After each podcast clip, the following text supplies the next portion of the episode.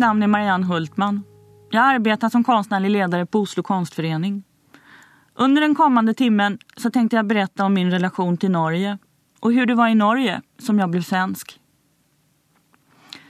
Min pappas farmor Eva Jakobsen flyttade från Stavanger till Stockholm i mitten på 1880-talet när hon gifte sig med farfars far Axel Hultman. Hans familj kom från Småland och hade flyttat till Stockholm på 1830-talet. Han var elektroingenjör och uppfann bland annat den automatiska telefonväxeln, något familjen var mycket stolta över. Farmor Eva var en kraftfull kvinna. Hon var intellektuell, konstnärlig, musikalisk och hade ett intresse för filosofi. Hennes hemlängtan klingade dock aldrig av och i dagböcker beskrev hon hur hon saknade Norge och västlandet. Direkt efter kriget kom farfars kusin och hans fru i sin Fiat Topolino till Stockholm från Oslo. Det var deras första smak av frihet.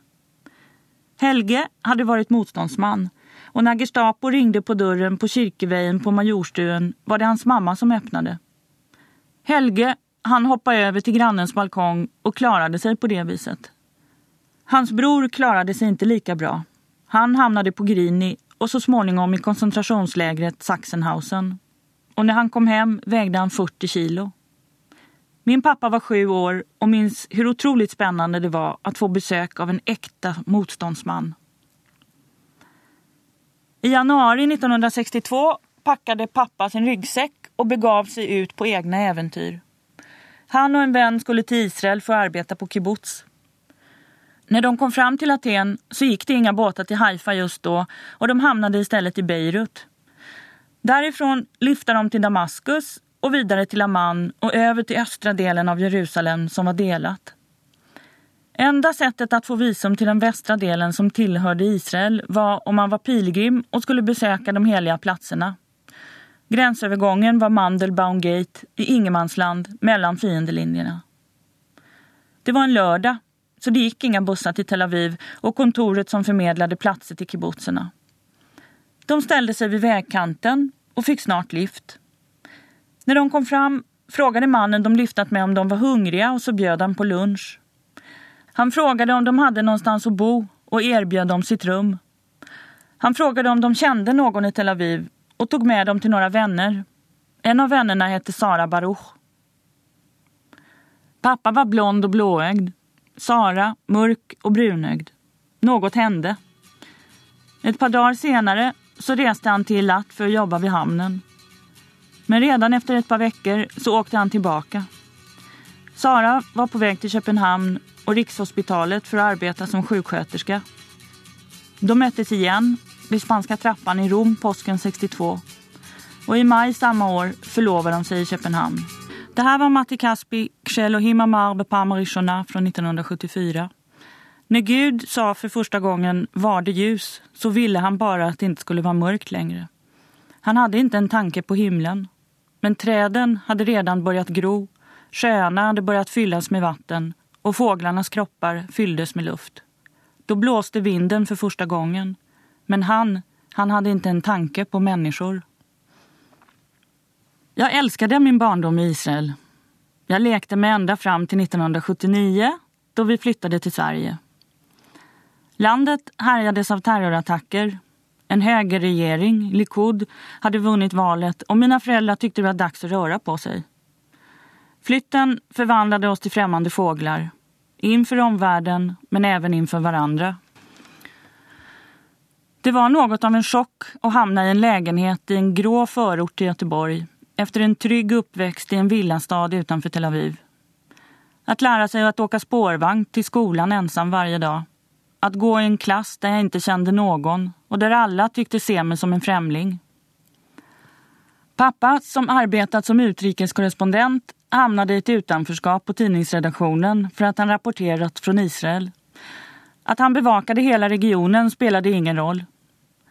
Mamma fick göra om hela sin sjuksköterskeutbildning. Hon behandlades illa av många, som en främling, en invandrare, inklusive av mig. Min syster var 16 år då vi flyttade. Hon hade svårt att finna sig till rätta och flyttade tillbaka efter några år. Jag akklimatiserade mig ganska snabbt men kände mig aldrig helt bekväm i skolan eller hemma.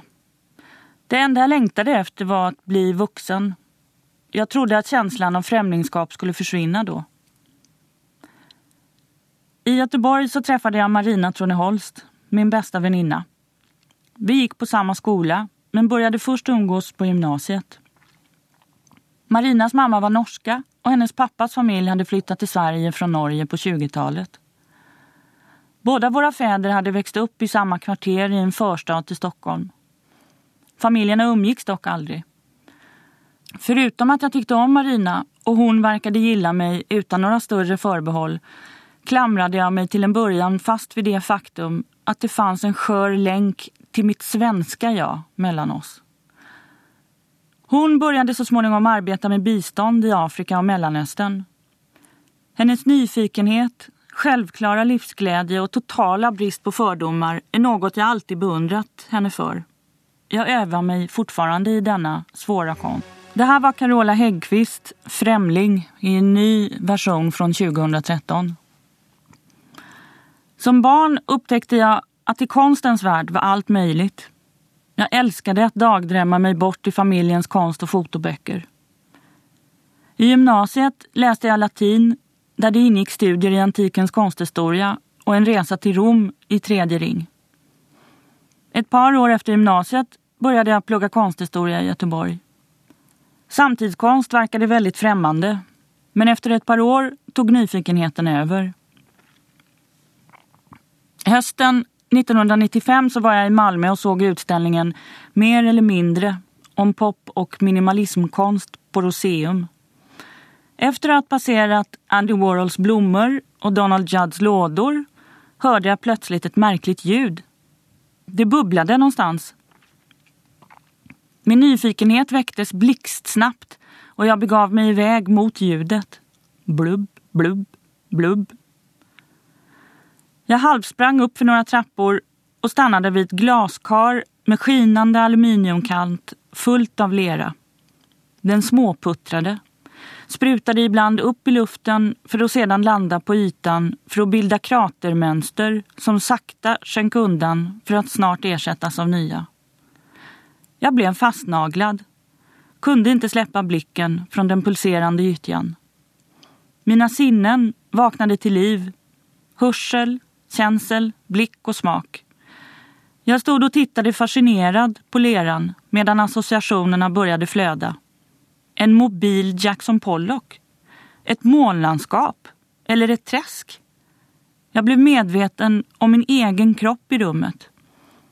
Upplevelsen var primitiv och jag kommer aldrig att glömma den. Jag skrev min magisteruppsats om det här verket. Mud Muse heter det och det är gjort av Robert Rauschenberg 1971. Rauschenberg hade börjat arbeta med konst och teknologi efter att han mött den svensk-norske ingenjören Billy Klyver i New York i början på 60-talet. Klyvers pappa var norrman. Han hade flyttat till Sverige där han byggt upp Högfjällshotellet i Sälen som stod klart när kriget bröt ut. Sälen blev då ett populärt semestermål för svenskar. Den norska kungafamiljen, alla förutom kungen, lär ha övernattat på hotellet under flykten undan tyskarna. Kronjuvelerna gömdes i kolkällaren.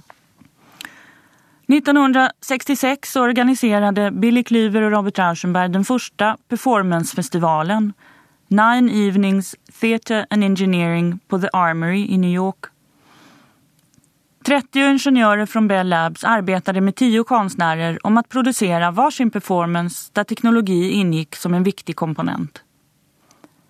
Jag skickade min magisteruppsats till Billy och efter ett par veckor så ringde han upp och frågade om jag inte ville komma över till New Jersey utanför New York och arbeta åt honom och hans partner Julie Martin.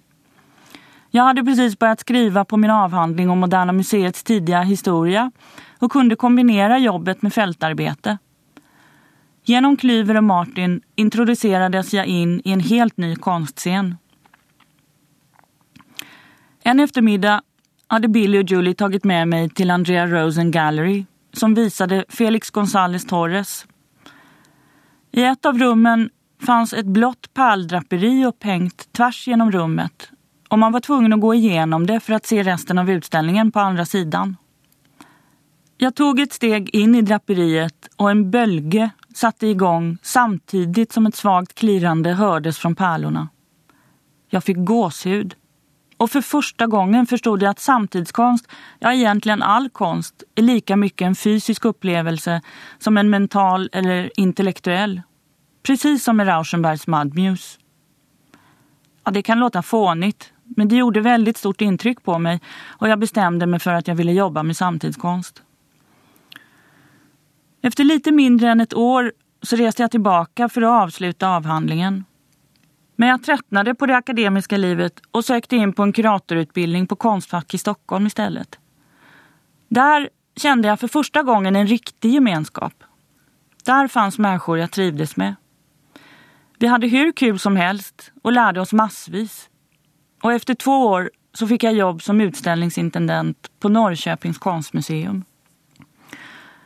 När Billy Cleaver gick bort 2004 så gjorde jag och Julie utställningen Teknologi för livet om Experiments in Art and Technology i Norrköping. Det var en hyllningsutställning till Billy och hans gärning. Flera konstnärer kom från USA till vernissagen och Fujiko Nakaya som gjorde en skulptur i Tokyo i museets skulpturpark reste över från Tokyo. Ja, det var en skulptur gjord av tåke, små, små vattenpartiklar. Skulpturen förändrade sig beroende på luftfuktigheten, hur mycket det blåste. Ibland var den ganska liten och kompakt och ibland så spred den ut sig över hela skulpturparken. Det var till åren komna konstnärer som kom till Norrköping. Många kära återseenden gjordes. Robert Breer och arkitekten Hans Nordenström träffades för första gången sedan 50-talet då de bott i Paris. De var båda nästintill döva. Helt överlyckliga satt de och kluckade av skratt och pratade på. Ingen hörde vad den andra sa, men det spelar ju ingen roll. In January 1966 10 artists from New York and 30 engineers from Bell Telephone Laboratories began a collaboration that resulted in a series of dance, music, and theater works. They all incorporated the new technology. Nine evenings of theater and engineering took place in October 1966 at the 69th Regiment Armory in New York. The performances were recorded and filmed both in color and in black and white. While this material can of course not represent the artist's work in full, it has now been assembled by Barbara Schultz into 10 films that document each artist's work. Nine evenings came about through the generosity of the artists, the engineers, and our many friends. But Above all, it was Robert Rauschenberg's commitment to the collaboration that provided the spirit and the energy that made it all happen. Det här var ett utdrag ur Billy Cleavers intro till Nine Evenings-filmerna, alltså dokumentationen av performancefestivalen. Jag ska villigt erkänna att jag var ganska trött på Sverige när jag flyttade till Norge. Ängsligheten, korrektheten och den ständigt närvarande distansen resulterade i tillstånd av konstant syrebrist. Ja, nu generaliserar jag, jag vet. Men det var så jag upplevde det. Jag kom till Oslo i februari 2007. Det var kallt. Oslo konstförening ligger i Oslos äldsta byggnad, Rådmansgården på Rådhusgatan 19 i kvadraturen vid Christiania torg. Jag gick in genom porten och upp för trappan såg in i den gamla spegeln i kroken innan jag tog steget in på kontoret. Där sprang byggnadsarbetare, målare och elektriker. Lokalerna höll på att putsats upp för första gången sedan 30-talet. Min kollega Petrine Lillevold Vinje satt och huttrade i ett stort kalt rum medan jag fick ett mindre kontor som var lite varmare. Allt kändes nytt och spännande och jag var full av energi. Oslo konstförening är landets äldsta konstinstitution. 1836 fanns här varken nationalgalleri, konstakademi, kommersiella gallerier eller konstkritiker. Konstföreningen bildades för att stödja norska konstnärer och ge dem möjlighet att ställa ut på hemmaplan. De flesta utbildades då i Köpenhamn och det var också där de ställde ut och sökte stipendier och sålde sin konst. Förutom att visa norska konstnärer såg konstföreningen till att få hit utställningar från utlandet. Idag gör vi egentligen precis samma sak. Vi introducerar norska och utländska konstnärer i landet. I Norge fanns en friskhet som jag hade saknat i Sverige. Det var lite skitigare, ganska fult, men människor var öppna, mer nyfikna. Här var det inga större problem att slå sig i slang med sätesgrannen på bussen. Här möttes man inte av tystnad eller misstänksamhet när man fällde en kommentar i butiken eller en förbipasserande på gatan. Norrmännen tyckte om sina svenska grannar och det var lätt att känna sig välkommen. Inom några månader så hade jag fått nya vänner och började komma in i arbetet. Men på ett mer personligt plan så var det som var mest överraskande med att flytta hit det faktum att alla behandlade mig som helsvensk. Något jag sällan upplevt i Sverige. Du talar så mycket, sa de. Det är så svenskt. Det är så frågvis vid offentliga debatter och samtal. Det är svenskt. I Sverige var det just de egenskaperna som brukade användas för att beskriva hur osvensk jag var. För första gången i mitt liv så kände jag mig alltså 100% svensk. Åh, vad jag njöt! Äntligen, tänkte jag. Men efter något år så började det kännas märkligt. Det var liksom någonting som saknades. Du har hört Monica Zetterlund och Bill Evans, Vindarna sucka ut i skogarna. Jag heter Marianne Hultman och jag jobbar som konstnärlig ledare på Oslo konstförening. Och det här är Sommar i P2. 2008 så ringde direktören för Sörlandets kunstmuseum upp och frågade om jag ville följa med på en resa till Israel organiserad i samarbete med israeliska ambassaden. Jag var nyfiken på konstscenen och tackade ja. Det var första gången på 12 år som jag reste tillbaka. Vi var i Jerusalem, Tel Aviv och Haifa. Fick träffa gallerister, konstnärer och institutionsledare. En av de mer spännande städerna vi besökte var Om el-Fachem, en bit utanför Haifa. Där hade man nyligen öppnat den första konsthallen i en arabisk stad i Israel. Deras första utställning var med Yoko Ono. Omel Fahim Gallery arbetar också med att bygga upp ett arkiv av fotografier och muntliga källor. Alla som fortfarande lever och minns tiden före och direkt efter 1948 har blivit intervjuade. Det saknas nämligen fortfarande en historieskrivning om palestiniernas upplevelser efter det ottomanska rikets fall. 2009 så tog jag initiativet till att organisera en ny resa med norska kollegor med hjälp av ambassaden och UD i Jerusalem. Jag hade då börjat arbeta med en utställning för Oslo konstförening med konstnärer som arbetar och bor i Israel.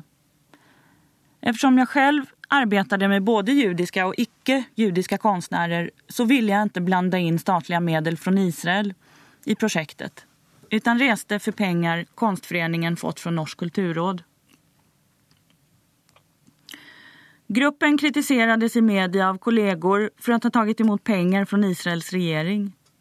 En del fick det att låta som om vi varit på statsbesök i Nordkorea eller gått i Likuds ledband. Som om vi frivilligt satt oss vid Satans bord. Få intresserade sig för vad vi, eller snarare vad var och en av oss upplevt, tyckte eller tänkte.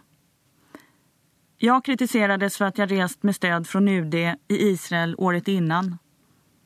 Känslan av främlingskap gav sig än en gång till känna. När kriget i Gaza bröt ut i december 2008 upplevde jag för första gången i Norge något som påminde om ett rent hat mot allt vad Israel och tyvärr judar generellt beträffar. Jag barrikaderade mig hemma och vågade inte gå ut på ett par dagar efter upptöjerna på Karl Johan. Ni har hört Girlfriend is better med Talking Heads från skivan Speaking in tongues. Utställningen Stop Making Sense öppnade på Oslo konstförening våren 2010. Alla konstnärer var på plats och vernissagedagen startade med ett seminarium om konstscenen i Israel. På förmiddagen så publicerades en artikel där två norska konstnärer uppmanade till en bojkott av seminariet, utställningen och katalogen. Till och med titeln på utställningen kritiserades för att vara förolämpande och nonchalant. Seminariet blev utsatt för mindre sabotage av ett par åhörare i publiken som krävde svar på Israels politik, muren och så vidare. Att alla seminariedeltagarna och konstnärer var starkt kritiska till Israels nuvarande segregerings- och bosättningspolitik verkade inte spela någon roll. I slutet av dagen så avbröts moderatorn från sin summering och seminariet avslutades i ett märkligt kaos. De flesta var dock intresserade och nyfikna och det var en fin stämning. Det som stack en del kritiska röster i ögat var det faktum att Oslo konstförening tagit emot medel från en privat norsk stiftelse till utställningen man menade gick i Israels regerings ledband. Eftersom jag arbetade med konstnärer med väldigt olika bakgrund från Europa, Mellanöstern och Palestina hade jag givetvis förvissat mig om syftet med stiftelsens stöd till utställningen och hade fullt förtroende för dem. En ganska häftig debatt bröt ut i media, något som i grunden var bra. Det blåste hårt ett tag. En del anklagade konstnärerna för inte vara tillräckligt politiska. Men om man tittade under ytan kunde man tydligt se deras outtröttliga motstånd och frustration över att leva i ett land där alla känner sig splittrade och där en ständigt pågående konflikt sakta men säkert kväser allt. Jag förlorade ett par vänner, men jag fick också nya. Vi har hört Yoko Onos titelmelodi från albumet Yes I'm a Witch från 2007. 2007 så träffade jag konstnären Uriel Orlov i en taxibåt på väg till Venedigbiennalen. Världens första konstbiennal som vartannat år samlar konstvärlden. Vi höll kontakten efter det och några år senare så bjöd jag in honom till att ställa ut på konstföreningen. Han hade rest en del i Egypten och höll på med ett spännande projekt om Suezkanalen under sexdagarskriget 1967. Efter en tid berättade han att han blivit inbjuden att ställa ut i Alexandria tillsammans med en annan konstnär och jag började undersöka möjligheterna för ett samarbete. Min mamma är född där. Hon bodde i Alexandria fram till 1947 då hon och mormor flydde till Palestina med hjälp av falska pass, där resten av familjen redan var. De lämnade sitt hem med ett par resväskor som enda bagage. Som om de skulle bort över helgen och via Kairo tog de sig över till Palestina. Mamma hade inte varit tillbaka i Alexandria efter det. Aldrig haft någon lust. Trots att jag och min syster då och då frågade henne om vi inte skulle resa ner tillsammans. Men så plötsligt så ändrade hon sig. Jag skulle dit få träffa Oriel och mamma och min syster Eva följde med på en kombinerad arbets- och återföreningsresa påsken 2011. Inför resan så tog vi kontakt med judiska församlingen i Alexandria. Vi ville in i arkiven och leta efter handlingar och få reda på var morfar låg begraven. Så fort vi kom ner så kände vi oss hemma. Minnena återvände och mamma lyckades hitta tillbaka till sin skola, The Scottish School for Girls, och till den synagoga dit morfar brukade gå. Vi satt i flera timmar på arkivet på judiska församlingen som ligger i anslutning till stadens stora synagoga, den största i Mellanöstern. Vi gick igenom tre stora pärmar med äktenskapsattester från 1922. De var skrivna på arameiska och var svåra att tyda. När vi kom till näst sista attesten i sista pärmen stusset jag och min syster till över en signatur. Titta, sa vi till mamma. Det är ju din handstil. Det var morfar Elis namnteckning på äktenskapsattestet mellan honom och mormor Eugenie. En av de judiska gravplatserna ligger mitt i Alexandria vid Khartoum Square. Vi begav oss dit en eftermiddag och välkomnades av en familj som bodde på gravplatsen mot att de tog hand om den. Stora delar ligger i ruiner. Tistlar har växt över gångvägarna. Sopor slängs ner på gravarna från husen runt omkring. Och delar av gravplatsen används som latrin. Familjen som bor där var mycket välkomnande. Vi hade tagit med oss kakor och mor i huset bjöd på te. Mamma började tala lite arabiska och till och med Eva plockade fram sin skolarabiska ur minnet. Det växte så mycket tistlar överallt och det var svårt att ta sig fram mellan gravarna så Eva och jag var tvungna att hoppa mellan gravarna. De flesta horisontala höga sarkofager i sten. Men efter ett par timmar så gav vi upp och bestämde oss för att komma tillbaka nästa dag utan mamma för att leta vidare. Nästa eftermiddag så fick vi reda på att de hade hittat graven. Vi snitslade oss fram mellan gångarna tills vi stod framför en liten gravsten med namnet Eli Baruchbo. Vi fick hjälp med att rensa upp ogräs runt stenen och fick träkvistar att pryda den med. Eva och jag stod där länge och till slut så säger hon Nej, det kan inte vara rätt. Gravstenen är för liten. Den måste tillhöra ett barn. Jag protesterade. Jag ville så gärna tro att det var rätt grav. Men efter ett tag så insåg vi att det nog stämde. Runt omkring oss fanns små gravstenar som en liten avdelning omgärdad av de stora sarkofagerna. Vi gav upp och började gå längs en av de gångbara stigarna. Jag tittade lite till höger och vänster, läste på gravstenarna. Vid ett träd låg en grav täckt av löv. Jag tog bort löven lite förstrött och där stod det Ici repose Eli M. Baruch. Här vilar Eli M. Baruch i sina nära och käras tankar. Död den 19 december 1946, 56 år gammal. Pang, sa det. Himlen öppnade sig och ett stort regn föll över oss. Och där stod vi, Eva och jag, 55 år efter morfars bortgång. Hjärtat klappade och tårarna föll. Mina rötter borrade sig ner i marken just där, på den judiska gravplatsen vid Khartoum Square i Alexandria i Egypten. Det ni hörde nu var Um Kulthum tillsammans med Mohammed Abdel Wahab och sången Enta Omri, Du är mitt liv i originalversionen från 1964. 2009 blev Oslo konstförening inbjudet att ingå i det banbrytande samarbetsprojektet Afrika i Oslo initierat av Marit Hoppe och Gavin Janches på Nationalmuseet. Sex norska kuratorer reste i varsin region i Afrika och tillsammans med en kollega från ett afrikanskt land producerades en utställning för respektive institution i Oslo. Jag samarbetade med Daniela van Dijk Wennberg från Interkulturellt museum och Bisi Silva från Center for Contemporary Art i Lagos, Nigeria. Vi reste till Mosambik och producerade en utställning med konstnärer som bor i eller är verksamma i huvudstaden. Maputo, A Tale of One City turnerade runt i Norge i regi av Nationalmuseet under två år efter det att den visats i Oslo.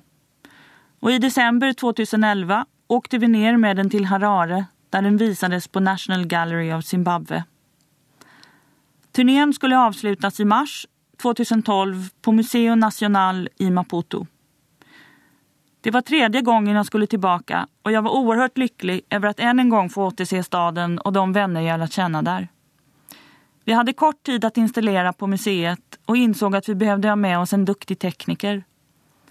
Jag frågade konstnären Morgan Schagerberg om han skulle kunna tänka sig att hjälpa oss. Morgan är en bondpojk från Värmland som tidigt begav sig ut på äventyr och så småningom kom in på Konsthögskolan i Trondheim. Han arbetade en del i Norge och hade hjälpt mig montera ett par utställningar på Konstföreningen. I slutet av mars så reste vi ner. Ett par månader tidigare så hade jag varit hos en spåkvinna som berättade för mig att det fanns en blond man i utkanten av min krets. Vem kan det vara? Jag känner ju inga blonda män, svarade jag. Du kommer att se honom om du vill, sa hon och nämnde även ett varmt land och palmträd och att jag skulle träffa någon där. Jag skulle snart till Kairo och tänkte att hon säkert refererade till den resan men jag tänkte inte så mycket på det. Jag visste ju inte ens om man kunde ta spåkvinnor på särskilt stort allvar.